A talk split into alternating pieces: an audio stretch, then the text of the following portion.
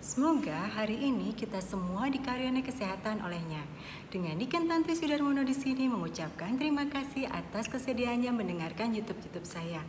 Kali ini saya akan meneruskan pembahasan mengenai hormon tiroid dan apa hubungannya dengan uh, kebahagiaan kita. Yuk kita dengarkan bersama. Nah, kalau uh, sebelum-sebelumnya saya sudah membahas bahwa perjalanan hormon tiroid ini sangat panjang. Dia melalui hipotalamus, lalu juga dari pituitari, lalu juga masuk ke kelenjar tiroid, belum sampai ke sel-sel tubuh kita, masih diikat dulu dengan TBG. Nah, baru setelah itu logikanya dia masuk ke dalam sel tubuh kita dan digunakanlah menjadi sumber energi oleh sel tubuh kita. Tapi tapi masih ternyata ada perjuangan panjang lagi yang memerlukan perhatian kita bagaimana agar sel kita mendapatkan hormon tiroid yang mencukupi. Apakah hal itu? Jadi, untuk masuk ke dalam sel tubuh kita, dia masih memerlukan kortisol dan juga memerlukan dinding sel yang baik. Jadi, kalau dinding sel kita tidak baik, kalau level kortisol kita tidak baik, ya sudah, kita tidak bisa menerima uh, tiroid-tiroid ini dengan sempurna. Jadi, walaupun misalnya hasil tes sudah bagus, FT3 normal, FT4 normal, apalagi TSHS normal, semua normal, tapi kok saya masih deg-degan, kok rambut saya masih rontok, kok mata saya masih membesar, kok kok kok semua kok. Nah itu adalah karena ya selnya nggak terima tiroid. Jadi secara struktur perjalanannya masih baik-baik saja. Tapi begitu mau masuk sel ada benteng yang dia tidak bisa tembus. Yaitu apa tadi? Dia memerlukan kortisol untuk masuk ke sel kita dan dia memerlukan dinding sel yang bagus. Nah saat ini saya akan membagi menjadi dua penjelasan karena di sini ada dua yaitu kortisol dan dinding sel. Hari ini saya akan membahas mengenai kortisol aja. Yuk kita dengarkan bersama.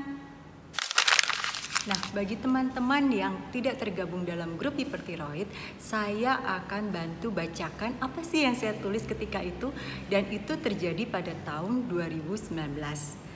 Nah, karena tidak terlihat sakit, terkadang penderita hipertiroid bikin kesal seisi rumah. Ini pengalaman pribadi saya ya. Mungkin suatu saat akan merasakan dan menikmati, menikmati prosesnya. Seperti saat ini, saya kalau mengenang saat ini, saya merasa bersyukur Alhamdulillah karena ternyata saya punya semangat juang sehingga malah saya jadi sehat. Hari H adalah hari saya mulai masuk rumah sakit dan ketahuan hipertiroid. Sebelumnya walau ada simptom saya nggak berobat karena merasa masih kuat hanya mau flu saja karena biasa uh, waktu itu yang saya rasa adalah hidung mulai nggak enak dan tenggorokan nggak enak. Sebenarnya saat itu sendi juga udah mulai sakit, kepala pusing kayak vertigo dan tenggorokan menyempit. Jadi saya minum vitamin itu dikeluarin lagi karena nggak bisa ketelan dan setiap mengeluh dianggapnya Allah itu kamu stres, Allah itu kamu nggak tidur sih semalam, Allah Allah Allah Allah yang bukan dianggap uh, apa ya? Saya cerita dianggap angin lalu aja yang pastinya. Jadi males mengeluh lagi, baperan banget ya saat itu. Ya tapi itu wajar. Jadi jangan pernah merasa kok saya jadi baperan? Jangan khawatir itu adalah wajar H-2 mendadak seluruh kulit memerah gatal-gatal. Saking tidak kuatnya sampai ke UGD berangkat membawa mobil. Ya, pulangnya naik taksi dan suruhan supir cari mobil di rumah sakit karena saya lupa yang pastinya parkir di mana. Nah, makin kena cemberut dong ya. Udah awalnya kena cemberut karena saya selalu mengeluh.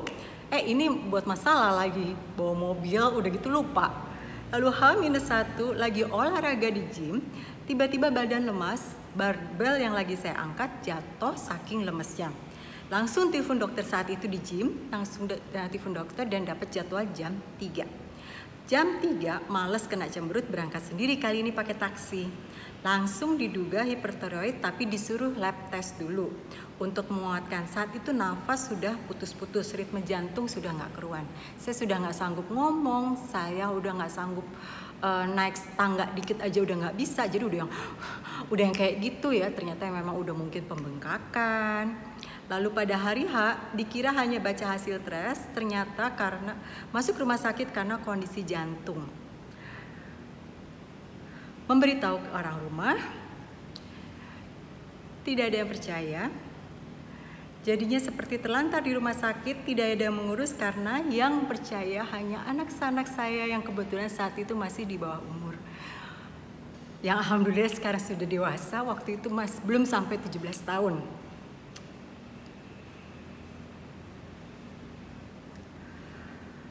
Dan dialah yang mengurus waktu itu kesulitan mendapatkan kamar, jadi dia sampai um, berkemah di lantai rumah sakit hanya untuk menunggu saya sampai saya dapat kamar. Jadi, penderita hipertiroid beginilah nasib kita. Badan super kesakitan tapi tidak tampak di permukaan. Jadi, enjoy the moment, bismillah, semua diberi kesembuhan. Lalu setelah saya keluar dari rumah sakit, ketika itu tanpa ditengok, lalu saya pulang hmm, sekitar lima hari kemudian saya pulang selama di rumah sakit anak saya yang mengurus saya Lalu, mohon maaf, saya sudah dua tahun tidak bertemu anak saya karena anak saya lagi kuliah di luar negeri, jadi kangen sekali pastinya. Nah, lalu uh, sampai di rumah tambahan lagi karena dikatakan saya nggak saya nggak ya uh, pasangan saya mengatakan kamu sakit apa sih? Uh, saya udah nggak saya udah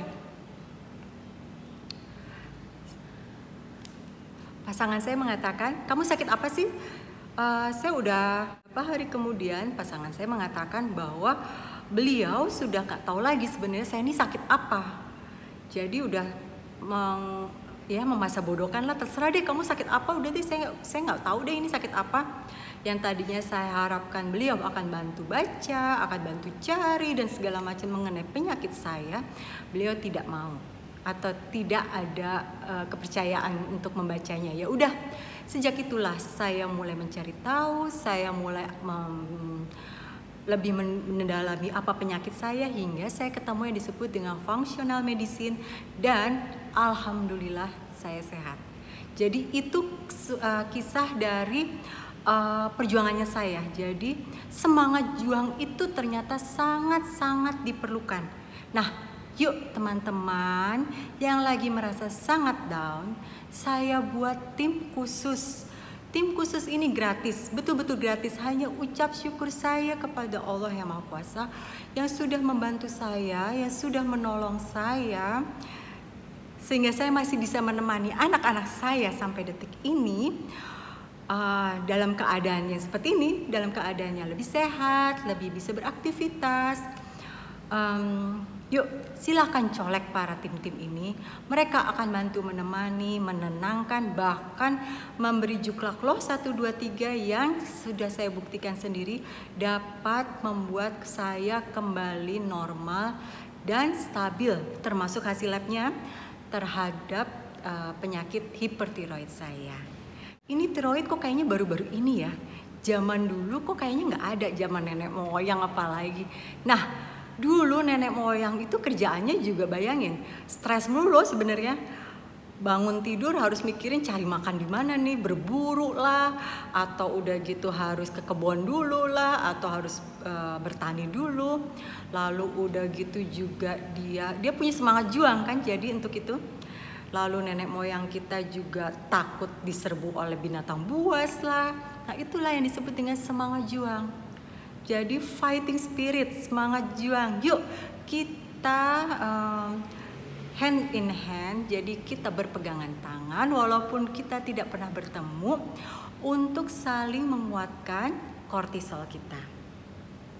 Kortisol ini sama dibentuknya oleh si tiroid. Jadi juga dari hipotalamus, lalu pituitari, lalu ke kelenjar kortisol dan jadilah uh, kortisol. Nah, banyak sekali ciri-ciri kortisol rendah atau kortisol tinggi, Tapi video ini kalau kepanjangan nanti saya diomelin dan orang jadi nggak mau mendengarkan. Jadi saya stop dulu sampai di sini dan saya akan teruskan di YouTube berikutnya. Terima kasih sudah berkenan mendengarkan. Assalamualaikum warahmatullahi wabarakatuh.